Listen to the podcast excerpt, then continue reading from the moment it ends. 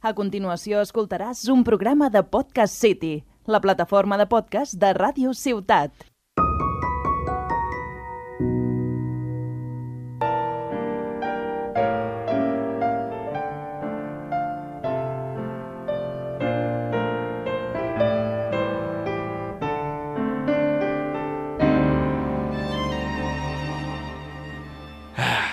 Qué calma, qué bonito todo, qué delicia, la paz interna que te trae las canciones de, Estudio Ghibli. Qué bonito todo. Bienvenidos al capítulo número 21 de Incógnitas. Eh, sí, pasamos las dos decenas. Eh, me parece algo súper increíble. Eh, hoy me acompaña de nuevo Joaquín, que cada vez forma más parte del programa. Eso es un puto parásito. Joaquín. Soy muy pesado, la verdad. Pesado de cojones. Y hoy para discutir este pequeño y, lindo tema de la paz, de la paz interna, de estar tranquilos, de cómo lidiar con nuestras cosas, he invitado a un vagabundo que me encontró en la calle intentando venderme porros, porque pensaría que quién mejor para lidiar con el estrés y, con eh, la paz interna que alguien que literalmente está en constante lucha. Eh, Jan, mm, buenas. Buenas tardes. No, no es fácil vivir debajo de un puente. Tienes que tener mucha estabilidad mental, mucha fortaleza y, y por eso vengo a hablar sobre paz aquí. Pero dim- cuéntame una cosa, Jan. eh, em, ¿Cuántas pollas tienes que chupar al día para sobrevivir?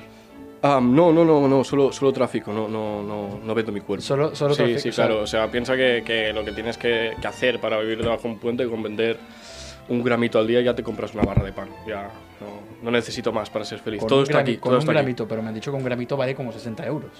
Un gramito de marihuana, o sea, 5. Y que el- mi margen de beneficio son 3 euros. Entonces, ¿a quién le... a quién- ah, vale, tienes razón, tienes razón. Es que lo material no es lo que te hace feliz, es la mente. Ya lo discutiremos. Ya lo discutiremos, ya maldita sea con el cripto, bro. vale, ¿por qué surgió este tema de la paz, eh, de la paz interior, de tal? Eh, afuera de que ya lleva semanas dándome por culo con estos temas rollo budistas y tranquilidad y demás, eh, han sido unas semanas duras, no discutiremos directamente por qué, pero han sido semanas en las que a veces toca preguntarse, y es la incógnita de hoy, ¿cómo hago para lidiar yo con todo esto? Cuando no puedes hacer nada por cambiar el mundo que te rodea, ¿qué puedes hacer con tu mundo interior? ¿no? Con, ¿Cómo te configuras? Eh, Jan, sé que has tenido también unas semanas un poco moviditas, no te voy a pedir que nos digas exactamente con qué, pero si pudieras darnos una descripción de más o menos... Más o menos mis semanas moviditas. Sí, más o Bueno, han menos. sido semanas de, de- Como estaba muy enfocado en mí mismo, en el trabajo y toda la, toda la vaina, he, he practicado mucho la presencia y la conciencia, ¿vale? Entonces me he visto que en todo el día que estoy vivo, desde que abro los ojos hasta que me voy a dormir, estoy pensando en algo. Entonces tengo tanto tiempo para pensar que en las dos últimas semanas todos los conflictos internos que tenía con otra gente, con mi padre, con mi ex, con la persona que me gustaba, con todo, los he resuelto hablando. De la manera más sincera y, y- y comunicativa y asertiva que, que- que- que he sabido. Porque al fin y al cabo los problemas que tú cargas no... Por mucho que el dolor venga de otra persona, el problema y la responsabilidad de, de solucionarlo es tuyo, ¿sabes? Entonces so- solo hablando contigo mismo, entendiéndote, perdón por el... Ah, Ah, hablando contigo mismo y entendiéndote y hablándote y, y viendo qué falla y cómo puedes solucionarlo es la única manera de, de solucionarlo. Si no trabajas, no... Como decía Keisio, nada cambia si nada cambia. Sabias palabras. Sabias palabras, la verdad. Tú, Joaquín, tú, bueno, mm, yo te he estado acompañando las últimas semanas, he estado en el concierto de Finger Sí. Hemos estado en contacto, pero tú mm, no, has- no te has sentido en situaciones así, en plan de, ¿cómo cojones gestiono esto? ¿Cómo que, o sea, el mundo interior que se vuelve un caos, o sea, yo también he tenido una serie de ocasiones hace poco en el, joder, ¿cómo gestiono todo esto? ¿no? ¿Cómo me ordeno ahora que se me ha caído todo encima? ¿Tú no has tenido alguna sensación así últimamente? Eh, últimamente llevo, llevo semanas intensas. De trabajo, de gente. Podríamos contar, pero me puedo tirar todo el día. Y en concreto lo último, que es lo más importante, es que acabo de trabajar. Rollo, este jueves he acabado. Y es como, me han quitado la gran parte de mi rutina diaria, que eran mis ocho horitas de trabajo. Y te han dado tiempo, que no sabes qué hacer con ese tiempo. Claro, y me he visto en una situación de, vale, ahora, ¿qué coño hago? y claro, al final, como para lidiar con todo esto, tal como ha dicho él, es un trabajo interior muy heavy y también a lo mejor de, de buscar sentirte realizado en otras cosas. Por ejemplo, yo ahora pues para tener algo por las mañanas y ocupar todo ese hueco, me apunto al gimnasio. Para ir haciendo. Bien, bien. O estoy aprovechando para hacer más música, para dibujar más, para, llenar el hueco del, del curro. Que aunque fuera un curro que, pues bueno, pues trabajar no es divertido, la verdad. Pues ya era Dí- algo. Dímelo a mí que trabajo de esto. Salud. Gracias. Pero, a ver, lo entiendo. Yo, eh, esto de que te quiten de repente algo que era tan íntegro, algo que estaba en tu día a día. Y a mí, me, bueno, me pasó que hace poco estaba en una pequeña relación, bueno, algo romántico con una persona, que usualmente es lo que nosotros como jóvenes usualmente nos tiende a dar más, que no debería ser, creo yo que hay problemas más grandes, pero que nos pegan más directamente porque es un daño directamente emocional. Ajá. Ah, ese, ese- ese- esa constancia de tengo a esta persona, eh, cada día le puedo hablar, le cuento mis cosas, ella me cuenta las suyas. Y etc. más que constancia, si puedo hacer un inciso, yo creo que es la, la mala gestión de todos los jóvenes, porque nadie lo ha enseñado, que también es el problema, de la dependencia emocional que generas a- en una relación, ¿sabes? Porque la gran mayoría de relaciones, sobre todo las que llevan poco tiempo, mm, se apegan muy, muy fácilmente, muy rápidamente y, y necesitan de la otra persona para estar bien, ¿sabes? No, si les quitas a la persona se va de viaje una semana, tienen malestar. Y eso es a- apego emocional a nivel... ah, no me sale la palabra, tío. Dependencia. A nivel dependes de verlo, de que te escuche, de sentir el amor físico y el apoyo para estar bien. Y eso es el punto uno que no puedes permitir que te pase en una relación porque como corten, como le pares de gustar y te lo digan de la manera más sana y comunicativa, te va a doler igual y vas a estar jodido un tiempo largo porque no sabes, no sabes estar bien solo. Sí, esto me lleva al punto uno de este podcast y es eh, gestionar las emociones en temas de amor, en temas románticos, en temas eh, de apego emocional hacia una persona o personas, porque no sé cómo contempléis vosotros el tema del poliamor. Yo bastante, a ver, lo he vivido de primera mano y es Yo también. yo también. Es una experiencia muy curiosa para que nadie nunca te prepara. Disney nunca hace alguna peli relacionada al poliamor. No, eh, la Eh, verdad que no. Y, y claro, es, mm, e- es una persona que me apegué mucho en poco tiempo. Y no, no creo que sea malo que los sentimientos sean fuertes y que te dejes llevar por ellos. Eh, lo malo es ya con la otra persona. Porque las relaciones son más los sentimientos de más de una persona. Claro, claro, ya, ya es... Y, y es chocar los tuyos con los de esa persona. Y esta chica siempre me dijo, ah, me da miedo porque siento que no estamos al mismo nivel de enamoramiento. Y yo ya lo había contemplado, yo ya los reconocía, pero no lo hace menos fuerte cuando por fin se acaba. Porque estás tan metido en ese cariño, en esa, en esa sensación, que no ves el final, no lo proyectas. No lo, sabes que viene, pero no, lo- no, no- no estás atento de, de ver las señales. Y, y el, el problema es que como no lo sabes y, y la intensidad está ahí, cuando termina, la intensidad sigue ahí, pero es una intensidad que te está jodiendo todo el rato.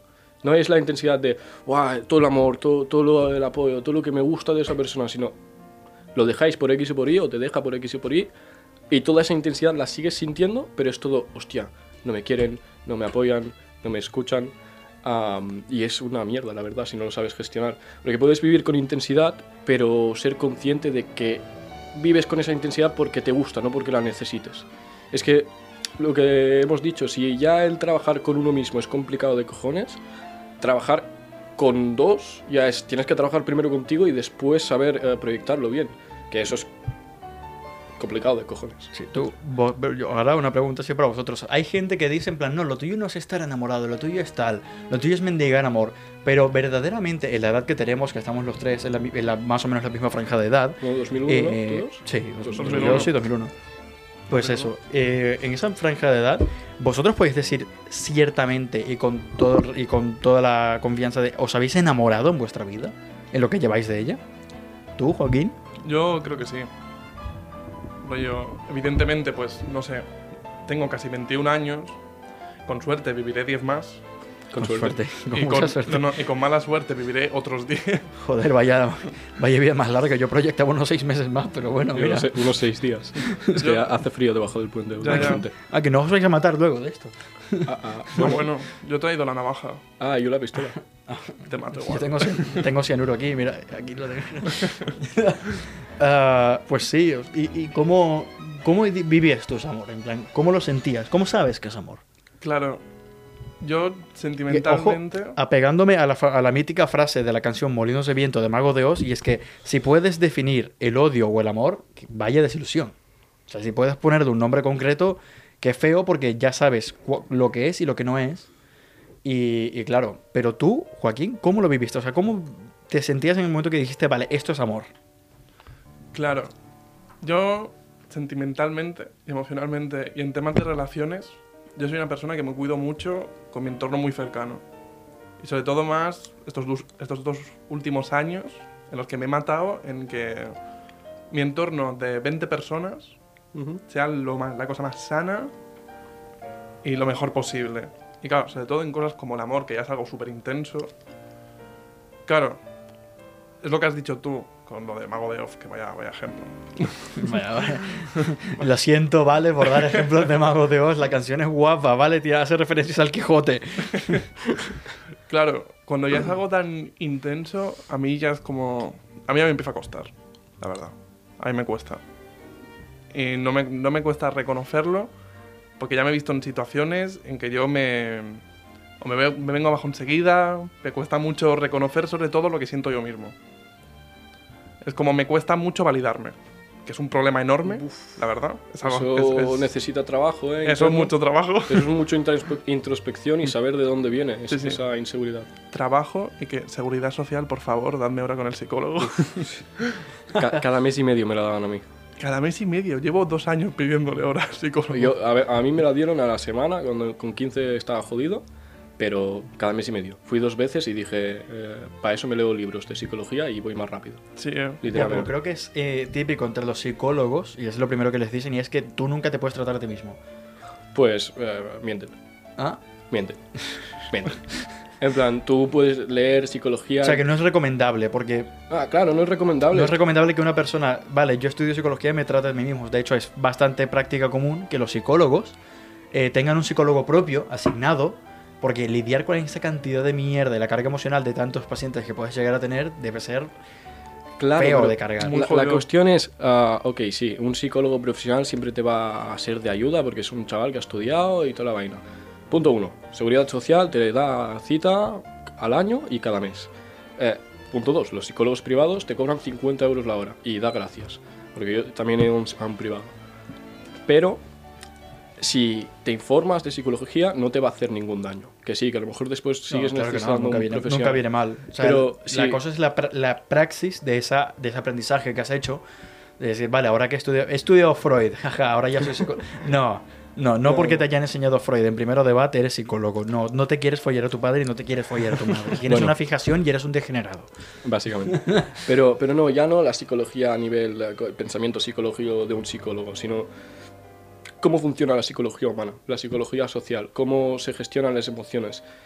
Sí, pod- podrás leer un libro que no te sirva de nada, pero si te lees 20, que es lo que hice yo en mi época cuando estaba jodido, jodido de si no me tiro por un puente, literal, am, acabas teniendo el conocimiento suficiente para, para al menos saber que necesitas un núcleo de apoyo, que necesitas introspeccionarte, que necesitas mm, un ambiente sano, qué es ser sano en, en el ambiente emocional, ¿sabes? Que no tengas el típico amigo que te está tocando la polla, te está diciendo maricón, gordo, lo, lo típico, y que tú lo estés permitiendo porque llevas siendo su amigo desde cuarto de primaria y no te estás dando cuenta que te está matando por dentro. Porque a eso le pasa a gente así A mucha, mucha gente. Por el desconocimiento y que en una educación obligatoria no te han enseñado gestión emocional ni a tratar las emociones, ni el dinero. Pero no hablaremos de eso hoy. Ya, ya, de dinero. Le tengo permanentemente prohibido eh, a Jan hablar sobre dinero. Yo tampoco quiero hoy, ¿eh? Sí, sí, porque es un- eh, eh, para- aunque no lo notéis, es un cripto bro. me pidió, me, me- me apu- me apuntó con un arma para que no dijera esto, pero soy periodista y la verdad vine antes. Y es que es un cripto bro y le tengo per- permanente, permanente, lo que sea, le tengo prohibido terminantemente que hable de, de cripto. Estoy hasta los cojones de hablar de economía. Solo quiero hablar de cómo me siento. Quiero que alguien me escuche, por favor. Ah. Pues sí, siguiendo con el tema ese del romanticismo, pues sí, o sea, yo ya lo contemplaba. Esta era una chica que, a ver, yo nunca en mi vida me he permitido sentir mucho a fondo por alguien, pero porque no, no creí que hiciese falta, no por la típica de, Buah, es que eres, débil. No, no, el amor no es una cosa que yo creo que te haga débil. El amor es una, de hecho, es una, es, hay que ser fuerte para sentir amor. Y sentir todo lo que conlleva sentir ese cariño, esa inmensidad. Y como dice Joaquín, puede ser intenso, pero yo el amor lo sentía más como eh, en magnitud. No lo sentía tanto en potencia, lo sentía en magnitud. No es una- un fuego, es un fuego que abraza, es un mar que consume. ¿No? Que consume. Sí, un A mar- ti el amor te consume. no, a ver, no que consume. mm, es, ab- eh, es abrumador. O sea, es abrumador, te llena, llena todos los espacios, lo ves en todos lados. Esa persona, yo tengo un problema muy grave ahora y es que no puedo ver el color azul sin porque acordarte. inmediatamente está asociado a esa persona. Mm. No puedo escuchar hablar sobre arte porque me acuerdo de esa persona. Vale, lo digo con, tal- con- con total confianza porque sé que no escuchará este programa. Pero es eso, o sea, es. eh, es ese. am- Yo el amor así lo identifico, la capacidad de que esa persona esté presente en todo lo que ves. ¿No? Eh, Sí, yo creo que es es una parte del amor. Es una- creo que a eh, todo, a claro, todo es el una mundo. parte, no es todo el sentimiento. eh, también está la, bueno, la parte erótica, está la Ah, parte sí. de tal. Pero es eso, o sea, cuando ya esa persona es lo primero que me viene a la cabeza contra ciertos estímulos, yo la, la tengo tan presente, eh, es amor. No es lo mismo acordarte de una persona, de, guau, esta canción me recuerda a... No, no, es que nada más el- la música como tal me recuerda a ella. la- la- eh, esta obra, este, este autor en concreto, eh, cosas así, mm, yo ya digo, mier- maldita sea, me he enamorado. ¿No? Y no es algo malo, pero es algo como mierda. Cuando no es correspondido, pica. Joder, buah. pica. Sí, sí, sí, sí, sí. Claro, El amor no correspondido es lo- de, la- de las cosas que más duelen, seguro. Porque tú estás ahí queriendo darle todo de ti a una persona que le sudas la polla. Durillo, ¿eh? Durillo, sí, pero sí es la vida, ¿eh? O sea, nos, nos va a pasar a todos, nos va a pasar 20 veces. Y lo que a ti te gusta de una persona no va a haber lo mismo en ti. Es lo que hay, Es lo que hay. es lo que hay. O Sí, se sí. aprende a gestionar o jodidos, perdón. Sí, sí. Ah, no sé, fue, fue una, una experiencia muy... Y ahora ya que acabe. Sobre todo cuando no es que acaba por mutuo acuerdo. Tú puedes estar, vale, en plan... Se acaba porque esta persona me ha dicho que ya no quiere seguir, yo lo entiendo, lo comparto. Pero después viene ya el, el- el pensar, el por qué se ha acabado, eh, por- mm, y decir, es que hice algo mal, es que es- lo hizo mal a esa otra persona, es que al igual tal. eh, y van pasando las cosas y tú te vas comiendo la cabeza y dices, joder, es que al igual no me dijo toda la verdad. Pero lo ves, es lo que te iba a comentar. Y ahí me lo, pu- me lo has dejado perfecto para entrar yo. Que eh, todo, toda esa, todo ese miedo, y que lo he tenido una conversación hace una hora de esto, ojo, que no, no tiene por qué ser verdad, ¿eh? O sea, No, no. es del la rayada de la cabeza. pero es eso, todo ese miedo viene infundado por el desconocimiento. El no haber terminado las cosas hablando todo lo que querías hablar. De manera sincera y asertiva y todo como quieras, de decir, hostia, pero es que he hecho algo mal, te has hecho Sí, sentir esto, incómoda. una per- cuando, sobre todo cuando no te das cuenta, porque la otra persona, o sea, tú no te das cuenta, tú pensabas que todo iba bien. Y de repente la otra persona, pues, ¡pum! Te corta. Te lo corta y tú dices, mierda, ahora tengo que lidiar yo con todo esto y la persona ya lo había mentalizado, ya lo tenía pensado. Ya lidió con todo eso, ya hizo el duelo, tú no. Claro, claro, claro. Entonces ya es fuerte porque mm, esta persona te tenía a ti para lidiar con ello, ahora tú no la tienes a ella.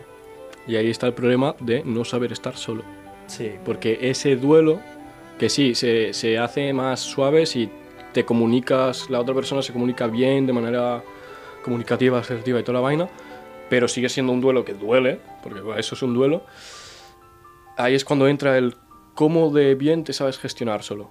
Cómo de, de amor propio tienes en tu cuerpo pa- para no culpabilizarte por algo que no tienes la culpa, que es no gustarle a alguien. Sí, a ver, no, no es tanto el no gustarle a alguien, pero es eh, lo que, con lo que más lo pasé mal fue con el hecho de lidiar con... te- Tenía este sentimiento tan bonito y ahora no, no, no me lo puedo permitir sentir, ya no, ya no, lo, ya no estará. Y era algo que me llenaba mucho. eh, y, y claro, ahora no tengo este sentimiento y es... Joder.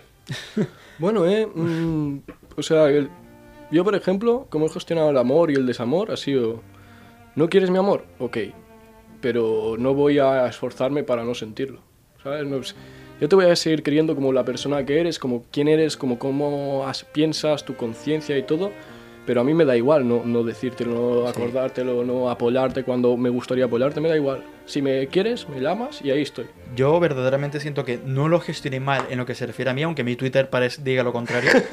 Tu Twitter, tu Twitter da un poco de miedo. Sí, aunque mi Twitter diga lo contrario, yo creo que lo he gestionado dentro de lo que cabe bien hacia mí.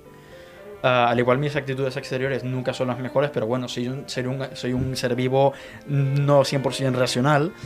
Ah, si fuésemos racionales no estuviésemos hablando de amor. evidentemente. Evidentemente. Ah, pero no sé, Joaquín, ¿tú cómo, cómo, cómo has vivido ese desamor, ¿no? Ese momento sí, de sí. ruptura, ¿cómo, cómo lo gestionas tú? Claro. Me he visto en situaciones que yo pues, me quería tirar por un puente con paracaídas agujereado para que fuera más largo y sufrir más el trayecto. Suele pasar. ¿eh? Suele pasar. Y que la hostia a lo mejor no te mate, te deje inválido. Claro. Y bueno, pues al menos no, no me puedo permitir vivir. ¿sabes? y claro, cuando estás en una situación así, que dices, vale, tengo que lidiar con esta mierda. Y es lo que has dicho tú. No me puedo permitir esto. No me puedo permitir sentir. Me tengo que alejar de esta persona. Tengo que tratarme a mí mismo de la forma más pura posible. Y claro, al final cada uno va a tener su forma de desahogarse, sobre todo. Porque en esta situación lo que te hace falta es gritar, Sentir. sol- soltarlo todo, acabar de vomitar lo que te haga falta.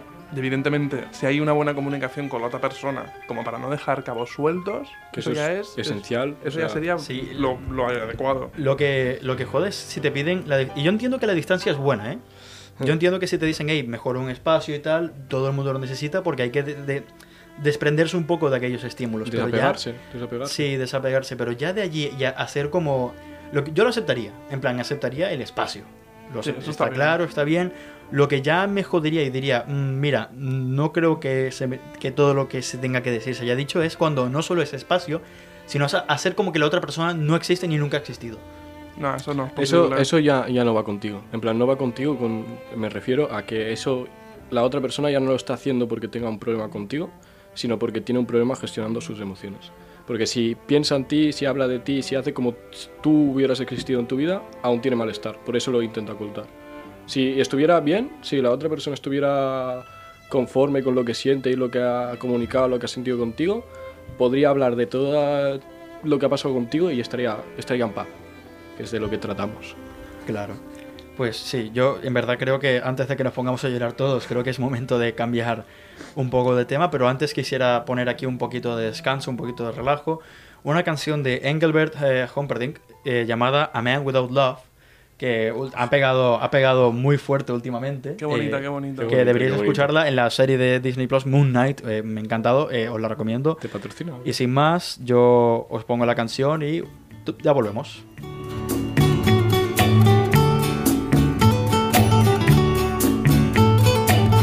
Can remember when we walked together, sharing a love I thought would last forever. Moonlight to show the way so we can follow waiting inside my tomorrow. Then something changed her mind, her kisses told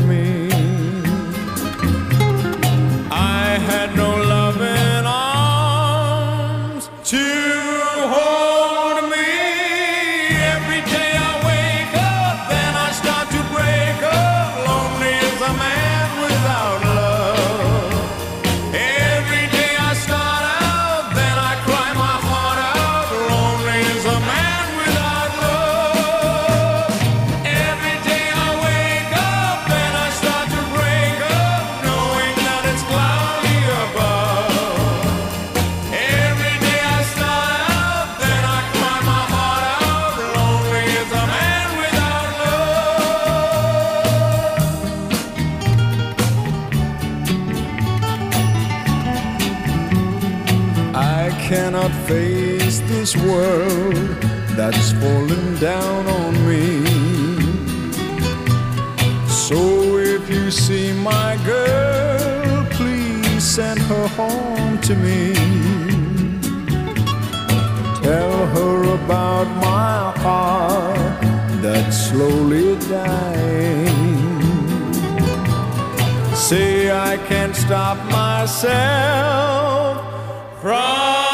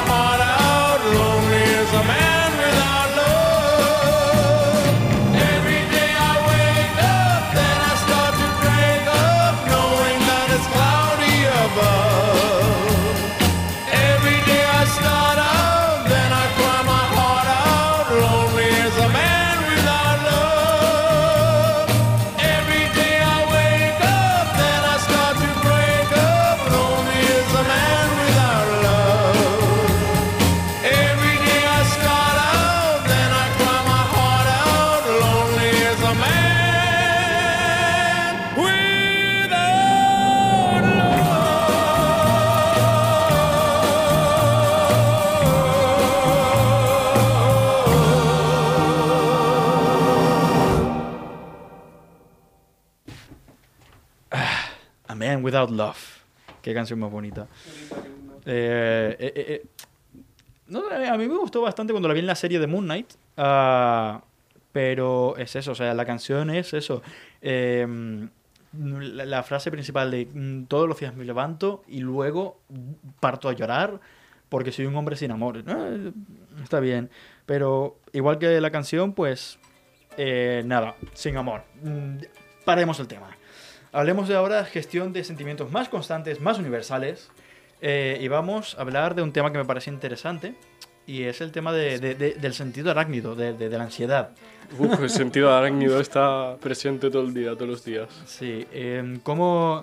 A ver, yo personalmente no me considero muy ansioso. Sí que tengo actitudes un poco ansiosas, pero no me considero una persona de guau, qué ansiedad, guau, qué todo esto. Ah, nu- nunca me he sentido así. Sí que me he tenido mis momentos de ansiedad, todo el mundo los ha tenido, he tenido mis ataques, porque en un, un momento nos toca a todos, sobre todo sabiendo de dónde vengo yo originariamente. Ah, jaja, Venezuela, jaja, Latam. Pero... O sea, no me, no me, es eso, no me considero una persona mm, ansiosa. No me considero una persona que, que no, no, cuando la gente me habla, es que supa- sufro de ansiedad y todo lo demás, es que no lo proceso. O sea, no me, no me, Claro. no, no siento esa sensación de tener ansiedad en todo momento, toda una ansiedad, todo me da Ujú. preocupación, ¿no? Mm, Tengo la, la ansia, la ansia, no la ansiedad del futuro, de saber qué va a pasar, pero es más una curiosidad positiva que, un, que, que el, mie- el miedo ansioso, ¿no? ¿Nunca has tenido el miedo de no sé qué coño voy a hacer el año que viene con mi vida y de preocuparte a saco por eso? No, porque mi, mi- mi organización mental lo que me dice es, cuando llegue ese momento lo, te- lo- lo solucionarás. O sea, pasará algo, mm, cuando- y, y si te tiene que pasar, pasará.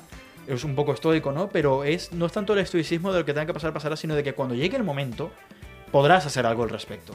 Es a, a la conclusión que la gran mayoría con- de gente con ansiedad no sabe llegar o llega, pero no la siente, ¿sabes? Porque la ansiedad es eso, en, en cierta manera, aparte de muchas otras cosas, es el preocuparte por qué va a pasar mañana, por qué va a pasar con ese amigo, con, con esa novia, con eh, ese trabajo, con eh, los estudios, con, con todo lo que te puedas preocupar, preocuparte y sobrecargarte con eso. Si tú no, no lo has hecho, pues ya no dudo que te pase nunca, pero es eso, a lo mejor alguna situación esporádica sí que te Sí, genera sé ansiedad. que es un tema más psicológico puntual de algo que ha pasado de pequeño. Sí que tengo esa ansiedad de comerme las uñas. Ujú. Sé que eso es un síntoma de ansiedad y, y es grave en mí porque creo que nunca me he visto las uñas plenamente crecidas. Bastante toque eso, ¿eh? Eh, sí, sí, sí. Pero es simplemente veo la uña que medio me ha crecido inmediatamente. Ya- ya no y, la- y es enfermizo. Yo sé que quien me ve desde fuera dice este, este puto animal. Pero es eso, no he tenido esa sensación constante de ansiedad de, guau, no puedo salir, tengo ansiedad. De, sí, de. No, no lo tengo de, guau, tengo que hacer esto por mañana, qué ansiedad es. Venga, va, me pongo. No. Cuando llegue el momento, pasará lo que tenga que pasar y por ahora estoy haciendo lo que puedo hacer. ¿no? Eh, la ansiedad, mi padre me lo definió de una buena manera y es que eh, la ansiedad es la- el momento en el que tienes que responder a dos opciones igualmente malas o igualmente buenas. Y, y claro, es mm, sé que es más ambiguo que eso, pero usualmente, usualmente trato con ello, en plan de, eh, tengo este problema, ¿puedo hacer esto o puedo hacer lo otro? Pues analizo bien a fondo mis pros y mis contras de cada uno. Usualmente la persona con ansiedad, según mi padre, eh, no sabe cuál opción es mejor. Eh, hago ahora, no lo hago, va a salir bien, va a salir mal, y no sabe cuál es más posible y cuál, cuál es más recomendable. Tú, Joaquín, ¿cómo, cómo vives la ansiedad? ¿Eres ansioso? ¿No eres ansioso? Em, yo la, a mí me cuesta, la verdad. Yo lo llevo regular. Yo antes me mordía mucho las uñas también, pero eso lo he solucionado gracias a la guitarra. Porque no puedo tocar la clásica sin uñas. Mm. Y Ya, simplemente a veces empiezo a morderme y digo, no voy a tocar en todo el mes. Si sigo así. Y si no toco, me entra más ansiedad. claro, yo lo llevo, lo llevo regular. Depende de cómo. Cosas como el futuro me joden vivo. Cosas como relaciones, ya sean amigos, líos, lo que sea, también me joden vivo. Y lo, lo llevo regulero. Tanto como para no salir de casa. No, porque soy muy cabezón y salgo igual. Eso es extremo, ¿eh? No salir de casa es ya estar jodido, jodido. Es, estar, es tener un día de mierda, pero de verdad. O un mes o, o tu O, vida o entera. una época. Sí, Sí, sí, que puede ser de toda tu vida. Y tan- tanto como para no salir de casa, me han llegado a pasar de decir, hoy no, hoy no me permito ver, ver la luz del sol, no me va a sentir, no me va a sentar bien, pero de normal me lo trago y tiro para adelante. que luego salgo y a la hora me voy. Porque no me no doy para más.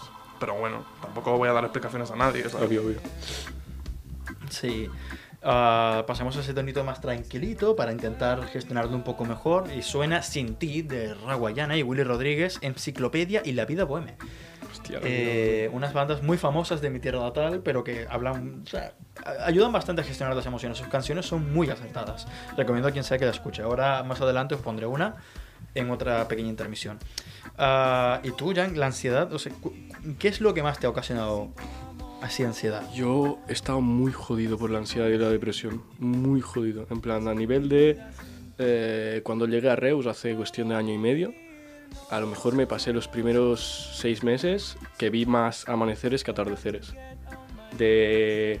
que lo tenía en Twitter y todo haciendo el drama. eh, que a lo mejor de los seis meses, eh, cuatro y medio, me iba a dormir a las 8 de la mañana.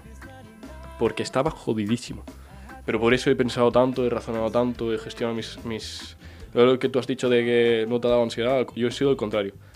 Hubo un momento cuando, sobre todo ya cuando terminé el bachillerato, que ya venía mal, pero cuando terminé, el bachillerato y no sabía qué hacer con mi vida, es decir, una carrera ahora, ahí me jodí vivo. Ahí me, me comí el coco, aprendí lo que aprendí después, pero siempre quedan cosas por ahí porque ten- tenía muchos traumas no resueltos. Fíjate que con los estudios nunca lo viví con esa ansiedad. O sea, sí me daba preocupación, ¿no? Los exámenes, y venía un examen y tal.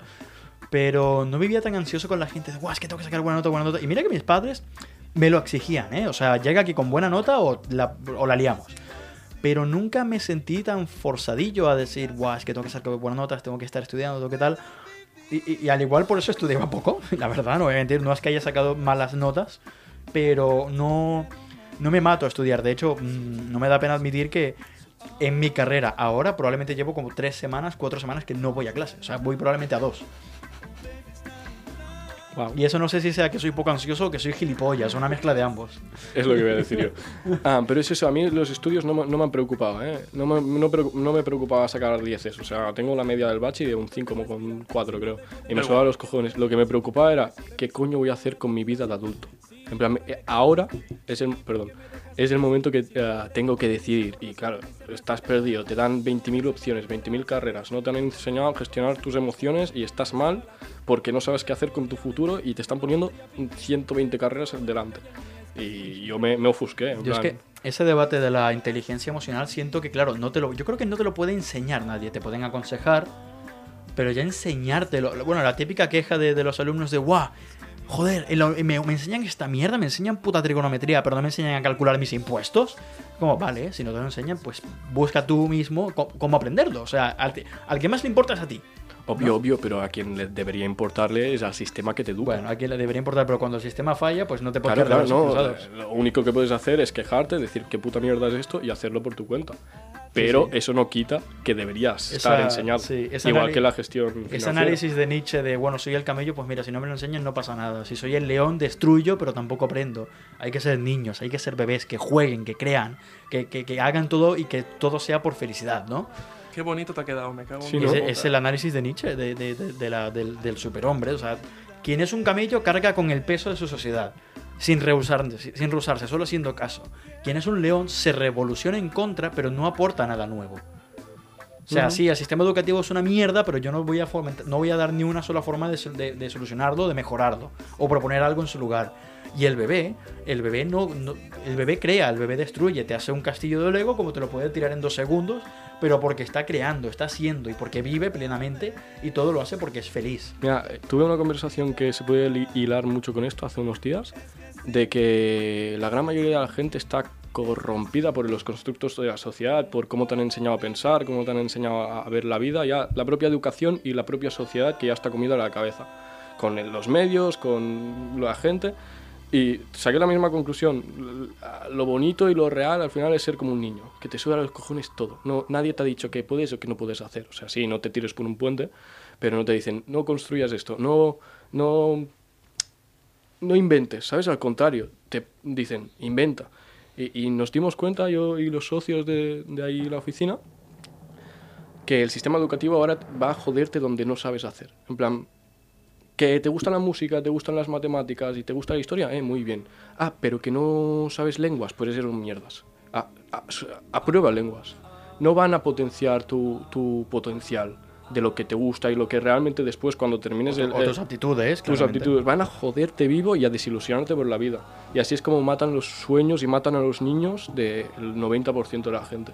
Claro, entonces siempre me, me- me gustaba era hacer la pregunta, era, si ellos te hacen esto y te hacen esto y te hacen lo otro, la sociedad te hace, y, y- y le preguntas, "Va- vale, pero ¿quién es la sociedad?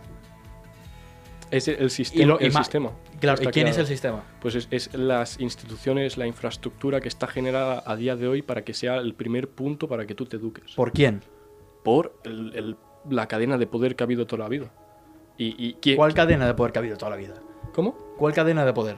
Pues la cadena de los empresarios, de los gobiernos, de, de quién... O sea, que la qué- culpa es de los empresarios. No, la, la- la culpa es del que ha montado el sistema, no se lo replantea, la gente que no se queja, es un, un poco la culpa colectiva. Si todos estamos viviendo algo que, que la gente que tiene dos neuronas de frente y, y piensa, dice, hostia, esto está mal, se debería cambiar, pues la culpa es un poco de todos, de todo el, que ha venido en el pasado y ha montado esto y ha dejado esto para nosotros y de nosotros y la sociedad actual que no se queja y no dice, eh, hemos pensado lo suficiente para darnos cuenta que esto no nos, no nos está enseñando a vivir.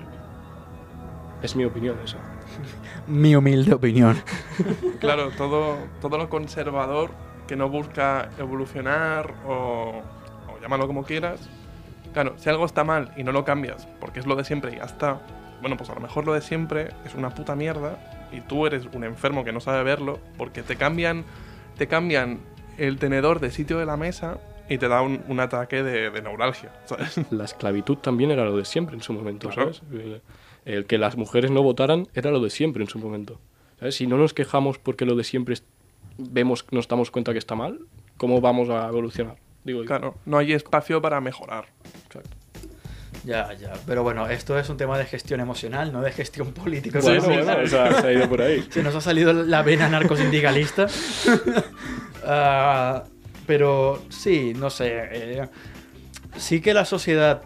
A ver, la sociedad es necesaria porque te perfila como, como ser humano y el, el ser humano es un ser inherente- inherentemente social. Eso es innegable. Lo que sí es que lo que se ha construido, sí, Nietzsche tenía razón, es el origen de la puta tragedia. Eh, Marx tenía razón, malditos empresarios. Hay que, que- hay, que, hay que ponerle un impuesto a los ricos, ¿no? Tax the rich. pero, pero ya tengo al lado aquí al Crypto Bro poniendo una cara. pero sí, eh, ahora, ¿cómo? Ahora me, llamó la atención lo que dijiste antes de el año que viene, ¿qué estaré haciendo? ¿Qué voy a hacer? Ah, who fucking cares? Pues yo, por eso me lo pregunto. O sea, te lo digo de esta manera. Yo puedo tener una intención. Sí, el año que viene, vale, estoy acabando la carrera de periodismo, tal, tal, tal. El año que viene quiero estar trabajando en este sitio. Viene Putin, tira una puta bomba nuclear y ya, ya no puedo estar trabajando en este sitio. Obvio. O sea, porque es. Yo creo que proyectar cualquier cosa al año, pues está bien tener un deseo, pero un hay que saber separar lo que es un deseo de lo que es un objetivo. Sí, sí, sí, sí. Eh, A la conclusión que me estás haciendo llegar es a, a- a cómo he resuelto el 99% de mi ansiedad. Eh, lo que tú decías que te salía natural. No me preocupa el que pase mañana. Yo voy a vivir el día a día y carpe diem y esas mierdas. Pero es eso, es vivir hoy para mañana. Para mañana haré todo para propiciar el mañana. Y de aquí a un año, pues bien, el que a día a día va, años empuja. Exacto, tío. Eh, pasito a pasito, te da, da igual el objetivo. Lo que tienes que disfrutar siempre es el camino. Porque es el que vas a vivir día a día. El que te vas a levantar y vas a decir, hoy voy a hacer este pequeño grano para si eso llegar ahí. Pero me voy a preocupar por hoy disfrutar. Sí, la típica de es que no sé dónde estamos yendo con esto, no sé dónde voy. Pues estás caminando. Y mientras sigas caminando, estás, pro- estás progresando. Y mientras progreses, no hay, no hay nada más que puedas pedir. Y- y si lo que te toca es progresar hasta que mañana literalmente des un paso hacia tu puta tumba, pues mira, no hay mucho más que hayas podido pedir. Básicamente. Claro, a ver, voy a poner un, un caso muy concreto que es el mío, ¿vale? Muy concreto. ¿eh? Lo, muy, muy específico, ¿eh? Muy, muy concreto. Mira, yo acabé el BAT, em, lo dicho, media cutre de 6, porque acabé el BAT pensando que repetía segundo y de repente fui a recoger las notas y la majísima tutora que tenía, Por junta, ¿no? sí, sí, me dijo que sepas que has aprobado por gracia de Dios. Eh, Por gracia de Dios. La mano sí. santa. Sí, sí, me lo dijo tal cual. Ha venido un ángel, te ha tocado, ya has aprobado castellano, que no te lo merecías. Aparte es que me lo dijo así. "Alo, Has aprobado castellano porque, bueno, Porque para no hacerte repetir que no te quiero en clase. Y claro, yo ya me estaba buscando un ciclo medio, ¿sabes? Ya estaba Hostia. mirando ciclos. Y claro, acabé el BAT em, y dije, Buah, ahora tengo que hacer la SL con las notas que he sacado, ¿sabes? Pues, pues vaya mierda. Yo la hice, ¿eh? Yo est- estudié más en la serie que en, en todo el bachillerato. sí. Para nada, ¿eh? Que después no entré a nada. O sea, entré a lo que me había puesto, pero para nada. Pero, pero, pero, pero ¿cuál bachillerato hiciste? Tecnológico. Bueno, yo, yo hice- Eh, no, no, no. Te ríes, que tú qué cuál hiciste, crack. Yo, el humanístico. A ver, si voy a hacer un bachillerato, pues imagínate que voy a ser el más fácil. Pero es que para mí el más fácil era el tecno, porque me gustan mucho los números. Yo me meto al humanístico, no, no lo termino. No lo termino, no, sinceramente. yo me metí al artístico para no dibujar ni un año. ¿No dibujaste nada? No dibujé nada, porque llegué y era el único de mi clase que dibujaba. Pero era el escénico. Eh, no, no había artístico plástico, pero claro, eh, cuando la gente se inscribió a las clases, solo era yo en dibujo artístico. O sea, no hicieron la clase para, No hicieron. para ti, ¿no? No, no. Yo quería hacer psicología, quería hacer. No me acuerdo cuál fue la otra, que quería ser griego, la quería hacer, me llamaba la atención. Sí, ríanse, quise hacer griego, me cago en vuestra puta madre, pero Está bien. las está quería bien. hacer y me acuerdo que había una asignatura que me llamaba increíblemente la atención. Bueno, literatura universal, por ejemplo, no la pude hacer porque la gente no la pidió. Que me pareció una mierda. Pues como- Psicología. Como, como el. Mm. Psicología, Qué que me parece raro que es parte del humanístico en el bachillerato, pero después te piden el bachillerato científico para entrar en la carrera.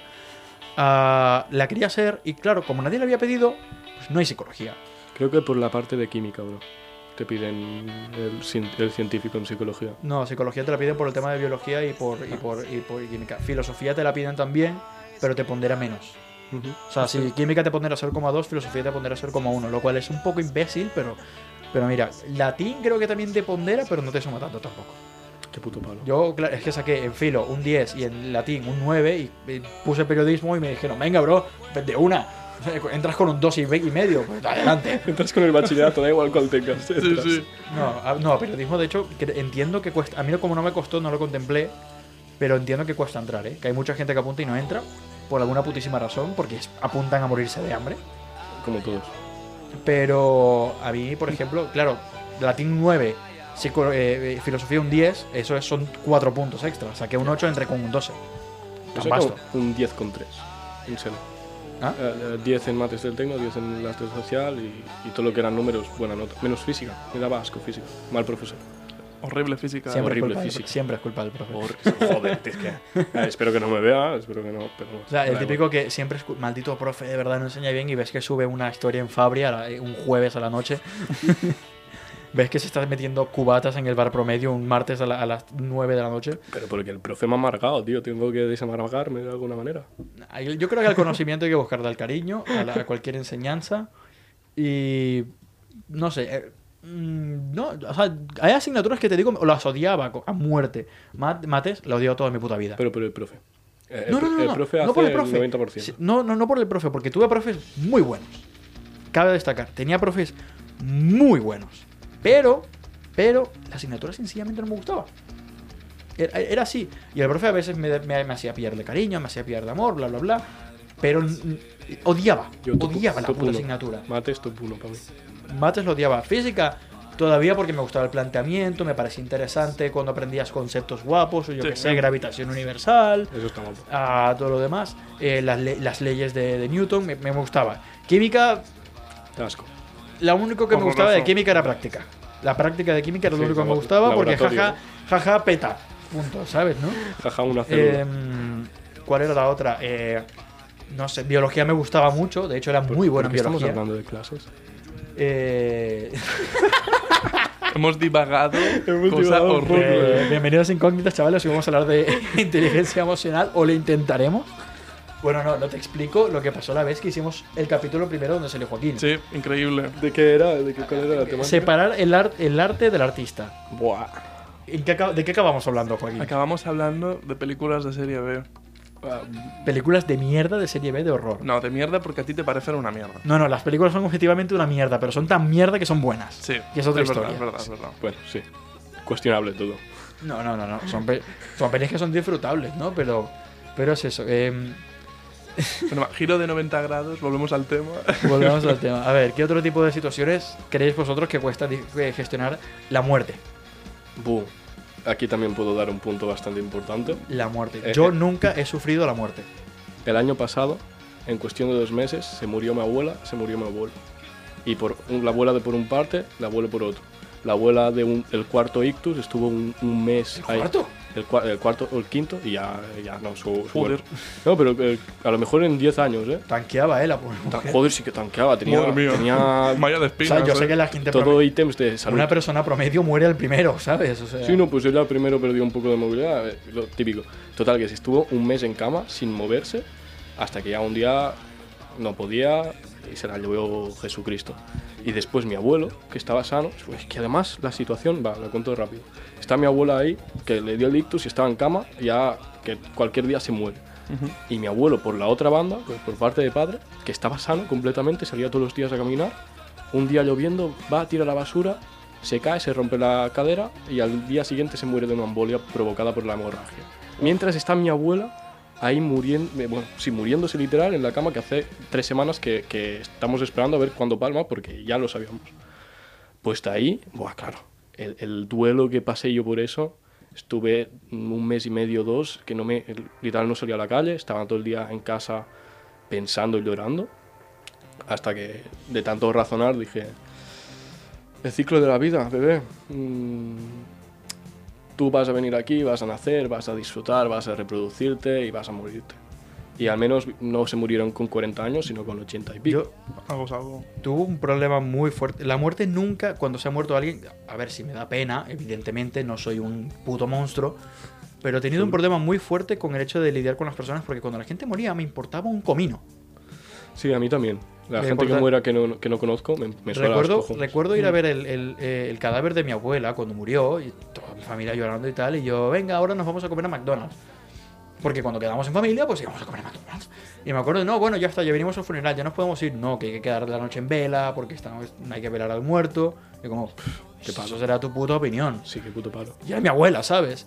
Am, a mis otros tres abuelos, bueno, tenía una abuela con una enfermedad mental severa, con em, Demencia. Sí, demencia senil, que la mujer, o sea, tengo traumas de pequeño de ir a verla en el ancianato, la pobre mujer enchufada, eh, y me daba vueltas por el ancianato, eh, bueno, enchufada en cables, todo tipo de máquinas y tal, yo era un niño muy, muy pequeño para entender, y me iba a dar de paseos por el, por el ancianato y era una- un lugar deprimente, tétrico. O sea, ahí esperando morir. Sí, entonces llego, llego yo y digo, o sea, hay dos formas, hay dos muertes con las que hay que, hay que lidiar. La nuestra y con la de las demás personas. Con la de la- de la- los demás, sinceramente, le he lidiado como el culo. He tenido más, me he horrorizado más pensando. Y esto es un tema muy reciente. Pero muerte de los demás, ¿a qué te refieres? ¿A muerte de Una seres cosa, una, cosa de los mi, demás? una cosa es mi muerte y otra cosa es que se muera alguien más. ¿Cómo lidio yo con ambas? ¿Cómo hay que gente que tu sé que- muerte, ¿qué significa? La- las de tu núcleo. ¿Ah? La- No, no, la mía propia, la mía física. ¿Qué vas Mi a muerte en el futuro. ¿Qué vas a lidiar? Estás muerto. todo el mundo pasó por un momento en su vida que dice, Guau, es que yo no me quiero morir, guau, algún día voy a morir. El duelo de aceptar su propia mortalidad. Yo lo tuve, me duró poco, pero yo lo tuve de decir, Guau, es que algún día voy a morir, no puede ser y tal, me voy a morir. Pero no, después de un rato dije, mira, si me voy a morir, es que me voy a morir. Es que cuando estés muerto te va a sudar la polla. Sí, entonces no, no hacer nada y, y es eso. Pero eh, otra cosa es la muerte de los demás, porque la, suya acabó y la, la nuestra sigue. La tu muerte es la que no te tiene que importar porque cuando te mueras hasta allí llega la cosa, pero la muerte de los demás tú seguirás vivo. Y ahí el duelo. Y allí el duelo. Y yo, mi problema era, mierda, la gente se muere y yo no siento nada al respecto. Debería sentirlo, no debería sentirlo. Me siento, me siento una, eh, eh, una mierda, ¿no? Y, y claro, mm, hace poco tuve una experiencia muy fuerte que me, me dio un, un reality check muy bestia. Y ahora que mi madre estuvo muy enferma, pero muy enferma grave, que todo, yo pensaba que se iba a morir, lo juraba. ah, y aunque me, me sabía mal, no, no, no llegué a ese nivel de sensación de decir, mierda, mi madre se va a morir. Pero te Te- preocupabas.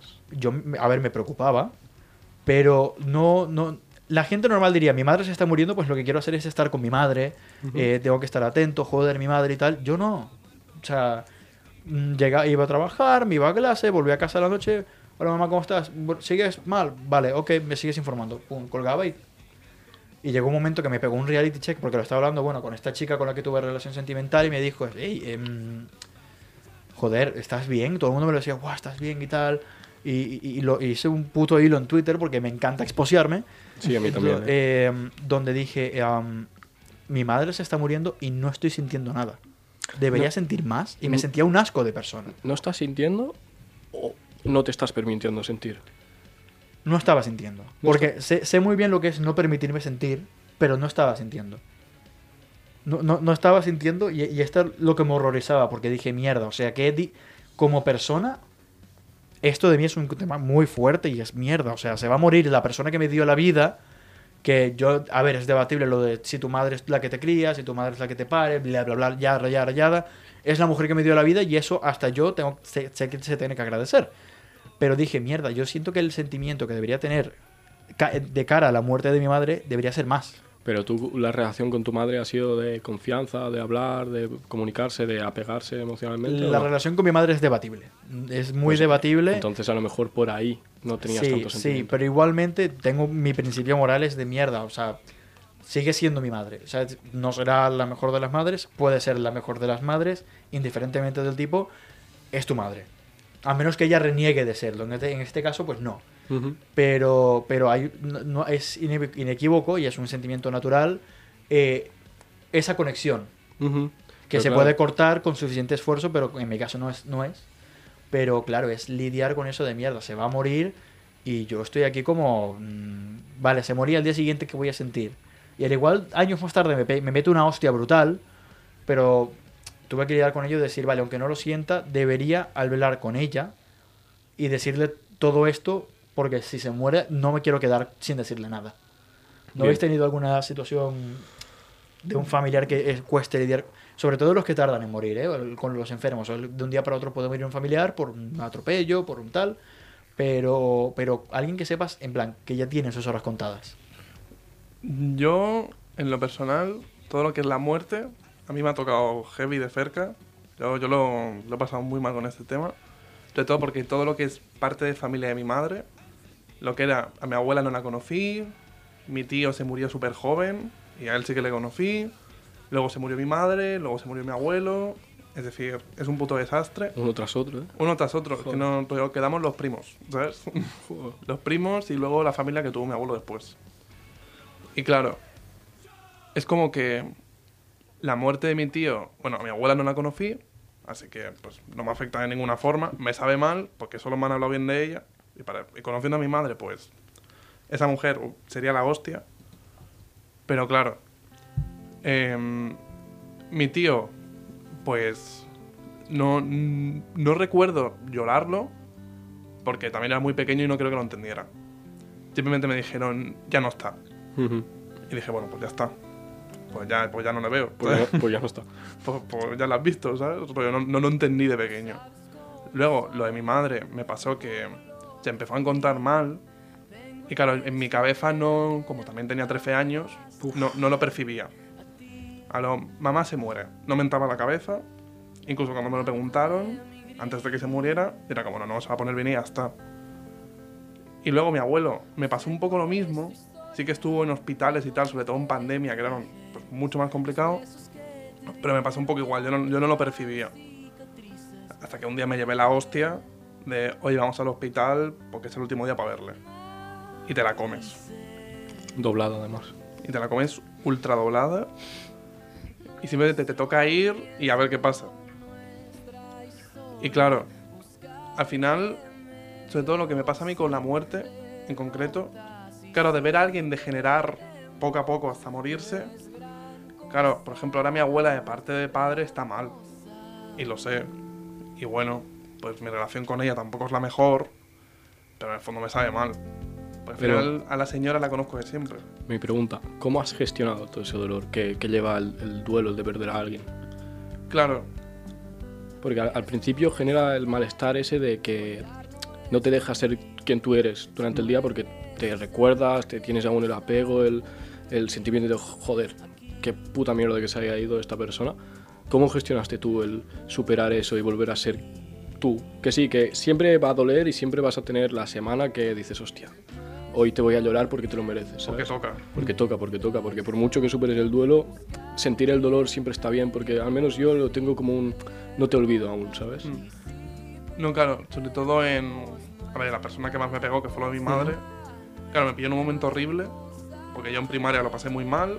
Y luego la ESO, que fue justo el cambio, lo pasé peor aún Es- después. y es cuando te desenvolupas, que Claro. es ese peor momento. ah, Es- no, me, no me pudo haber pillado peor, la verdad. Y claro, cosas como el humor me ayudó la vida y media. Saber, también saber hablarlo sin, sin que me duela, o simplemente expresarme sobre ello. Pero yo, venir aquí y hablar de ello y ya está. O quizá alguien me pregunta, explicárselo y tampoco montar mucho pollo drama, que entiendo que es algo que lo merece y que no pasa nada, porque al final todo el mundo con estas cosas se rompe. Pero simplemente saber hablarlo es algo súper importante. te, te va dando la confianza para aceptarlo. Claro, de decir, es algo que fuera muy parte de mí, que es algo que ha pasado y ya está. Lo llevo tatuado. No, no, no puedo hacer nada. Saber hablarlo, compartirlo, gestionarlo y que si nunca le pasa eso a alguien, ir y, y hablarlo con él. Eh, darle el, el apoyo que sabes que necesita y como sabes que, que necesita, porque es como la ansiedad. Yo siempre que, que hablo con alguien que no, no ha tenido ansiedad ni depresión, ya voy con la, la, la, básica, la base de que no me va a entender. Porque puedes estudiar todo lo que quieras, cómo se siente alguien con ansiedad, cómo se siente alguien con depresión, pero si no lo has vivido, y, y te lo digo por experiencia, por hablar con mi hermano, por ejemplo, que nunca ha estado mal, mm, o con amigos que nunca han estado mal, te pueden dar el apoyo porque son suficientemente conscientes y sanos para decir, hostia, estás mal, te, te doy el apoyo, pero nunca te podrán comprender a nivel eh, intenso y, y real, interno, ¿sabes? Pues lo mismo con, con un duelo fuerte como es la muerte, creo yo. Porque el proceso de, de superar el duelo es lo, lo mismo. El primero te deprimes, después que sí la indignación, que sí la negación y después pues, lo, lo acabas aceptando cada uno con sus tiempos siempre, que yo soy mucho de respetar eso, que cada uno a lo mejor un- a alguien se le muere la- el padre y en una semana lo ha aceptado y que alguien a lo mejor un año después piensa en su padre y empieza a llorar porque aún no... Cada uno tiene su camino en todo. La, la pérdida es un tema muy interesante y muy vasto para cubrirlo en lo que nos queda de programa, Pero pero es eso. Yo, yo te lo digo, gestionar los sentimientos está bien, pero gestionar un podcast también es complicado y por lo tanto también se tiene que acabar. se va ya. Sí. Ha estado bien, ¿eh, chavales? Tú porque no has escuchado el programa, pero tiendo a acabar así el programa. O sea, simple, bueno, todo tiene un final y bueno, el podcast también. Um, y es que claro, quien haya escuchado el programa hasta este punto, te doy un puto premio y te como toda la polla porque ha pasado una hora. Espero que no estés llorando. Espero amigo. que no estés llorando Eh, con espero nosotros. que si tienes algún problema, Ah, no trabajes. Te recomiendo esta canción de La Vida Boheme llamada La Vida Mejor, pero os dejaré con una que me parece más emotiva y más tal, llamada Ariadna. Em, chavales, despedidos. un placer. Muchas gracias por escucharme llorar, chicos. sido increíble. Y nos vemos la próxima vez cuando veamos si Joaquín o no se parte a llorar. Iba a ser y me quedé en un canto, canto y no sé si moriré esperando tu volver o viviré para recibirte con un café. Llanto, vete a roer a otro porque yo no me pienso mover. Que me entierren en asfalto, aquí estaré el día que este canto sea más que fe. ¿Cómo no voy a esperar? ¿Cómo no voy a esperarte? ¿Cómo no voy a esperarte? Esperarte, esperanza. ¿Cómo no voy a esperar? ¿Cómo no voy a esperar? ¿Cómo no voy a esperar si tú te vas? Has escoltat un programa de Podcast City, la plataforma de podcast de Ràdio Ciutat.